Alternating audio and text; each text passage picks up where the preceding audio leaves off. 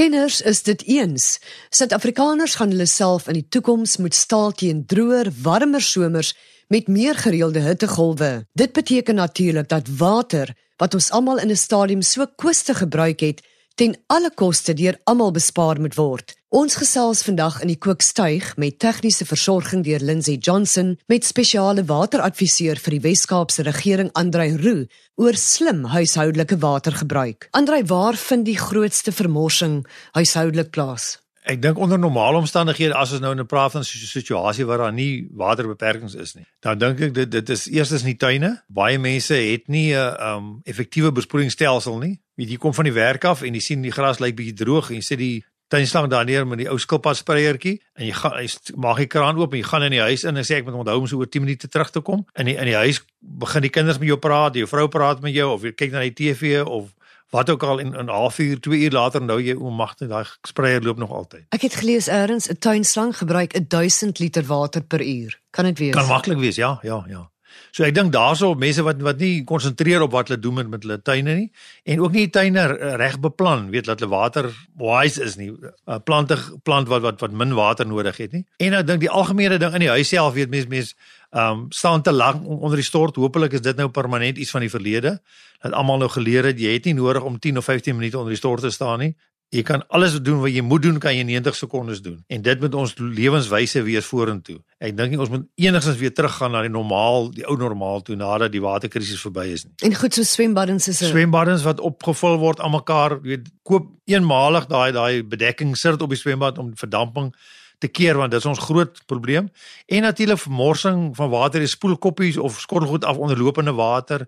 Sit die wasmasjien aan as hy net halfpad vol is of was te te gereeld skottelgoed of te gereeld wasgoed uh, in plaas van liewer 'n bondel bymekaar te maak tot die masjien een kan een keer kan loop 'n week in plaas van een keer elke tweede dag of elke dag. Julle gesels met baie mense oor hulle waterverbruik. Wat is die publiek se grootste uitdaging in hierdie stadium? Ek dink baie mense ehm um, het nie dalk heeltemal 'n begrip van hoeveel water hulle gebruik nie. Ehm um, want ons is almal gewoond gewees daaraan ek gaan die kraan oopmaak en dan gaan daar water daar wees. En ook as jy kyk na die munisipale rekening wat 'n mens elke maand ontvang. 'n baie groot persentasie van die mense as jy vandag hulle vra hoeveel water jy gebruik laasmaal, hulle kan nie vir jou sê nie. In die droogte situasie het dit nou miskien bietjie verander, maar maar tot sê sê 'n paar maande gelede. Almal kyk net na die die onderste lyntjie.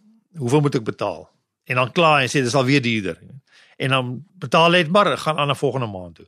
Maar hulle het nie idee hoeveel water hulle regtig gebruik het nie. En onthou jy word eintlik dubbel aangeslaan vir die water wat jy gebruik want die, die munisipaliteit laat jou betaal vir die water wat jy gebruik het dan gebruik jy dit jy sit dit in die riool terug na hulle toe en dan moet hulle dit ontvang en skoonmaak en daar voor uh, word jy ook belas. In, in Kaapstad se geval byvoorbeeld betaal jy vir jou water wat jy gebruik het vir elke kiloliter of elke 1000 liter wat jy gebruik het en dan 70% van daai hoeveelheid aanvaar hulle kom weer terug na hulle toe. So daar word jy weer 'n keer belas. So ehm um, as as jy jou totale verbruik wat inkom in die huis in kan verminder, dan bespaar jy nie net daar nie, bespaar ook onder op op, op die gedeelte wat jy weer terugsit in die rioolstelsel. So ons moet baie meer savvy word om nou die Engelse woord te gebruik en weet wat in ons op ons munisipale rekenings aangaan en wat ons gebruik en hoeveel ons vermors. Nee, net so ook die, die mense wat nou nie koopkrag het nie. Jy jy betaal maandeliks volgens jou meterlesing vir vir, vir jou elektrisiteit. Daar ook monitor dit. Kyk hoeveel water jy gebruik, hoeveel elektrisiteit gebruik jy en kyk waar jy kan bespaar. Onthou daai besparing is direk afgesien van die omgewingsvoordele wat is en die groter prentjie daarvan, is dit direkte besparing in jou sak. Andrei baie mense koop eenvoudig net hulle water, maar wat doen minder bevoorregte mense wat dit nie kan bekostig nie? Ek dink die groot voordeel is eintlik dat baie van hierdie goed kan ons doen sonder enige koste. Dis 'n bietjie ongerief vir jou. Ehm um, jy moet mooi dink wat jy doen. As jy byvoorbeeld stort en jy vang die stortwater op in 'n emmer, jy kan byvoorbeeld party van my vriende vat die koue water wat uitloop voor dit begin warm word, hou hulle een kant en dit gebruik hulle weer om mee te kook want dit is mos skoon water. Ander gebruik dan die seepwater waarin jy gewas het en, en sit dit in die toilet. Dis alles 'n direkte besparing want die water weet nie weer later hoef te voor te betaal nie. Maar dit kos jou eintlik niks nie. Beplanning. Dis net beplanning en mooi dink wat jy doen. Hoe kan ek dit gebruik? Uh jy hoef nou nie regtig die water met emmers uit te skep en dan weer met emmers terug te gooi in die wasmasjien en daai tipe goed wat wat nou baie um arbeidsintensief is nie. Maar as jy net mooi dink hoe jy jou siklusse van jou wasmasjien moet moet hanteer byvoorbeeld en, en alles wat daarmee saamgaan, kan jy regtig baie bespaar sonder enige groot moeite en onkoste. On, on, on en elke huis gaan seker in toekoms 'n watertank moet hê. Ja, ja, dis baie belangrik dat ons die die reënwater wat ons wel kry opgaar en ons dit kan gebruik. Al gebruik ons nie vir drinkwater nie, kan ons dit net vir ons vir ons nodige behoeftes, byvoorbeeld jy kan die toilet daarmee spoel. Jy kan jou jou belangrikste plantjies kan jy daarmee nat hou.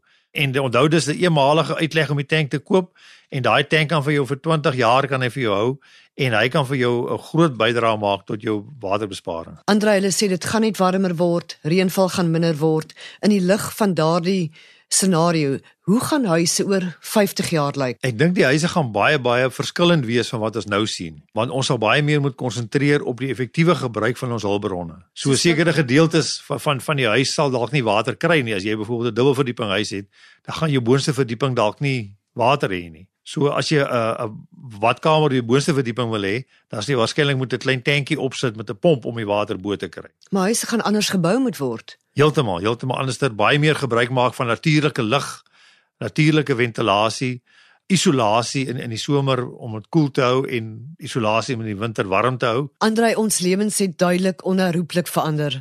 Dit is seker belangrik om nou positief te bly en nie moed te verloor nie. Dis reg en ek dink die belangrike ding is dat ons mens nou die lesse wat ons nou leer moet deel word van ons lewe. Dit gaan nou die nuwe normaal wees. Ons moenie weer teruggaan na die ou manier van van 10 minute onder die stort staan en lekker Mario Lanza liedjies sing en daai tipe goed nie. Jy kan dit sing sonder om in die stort te staan nie. Um, jy hoef nie water te mors terwyl jy sing nie. En daai tipe goed moet permanent deel word van ons lewe en ons uitkyk op die lewe moet permanent verander. Dit was Andrei Roo, spesiale wateradviseur vir die Wes-Kaapse regering. Daar is 'n legio wenke wanneer dit by waterbesparing kom. Van die mees algemene is watertanks en die gebruik van grijswater vir tuine en toilette. Onthou net, as jy grijswater vir jou tuin gebruik of om jou troeteldiere mee te was, maak seker dit bevat nie te veel chemikalieë nie. Maar kom ons hoor by 'n paar Suid-Afrikaners watter slim planne hulle beraam het om water te bespaar. Deur 'n uh, 'n grondseil of 'n tent deklaag in my tuin tussen bome te span op 'n daaglikse basis, kry ek gereeld tot 'n halwe gieter water wat ek seker vir my plante in my tuin kan nat maak 2-3 maal 'n week. Ek het my tuin laat vergaan en toe tuin gemaak met vetplante in potte.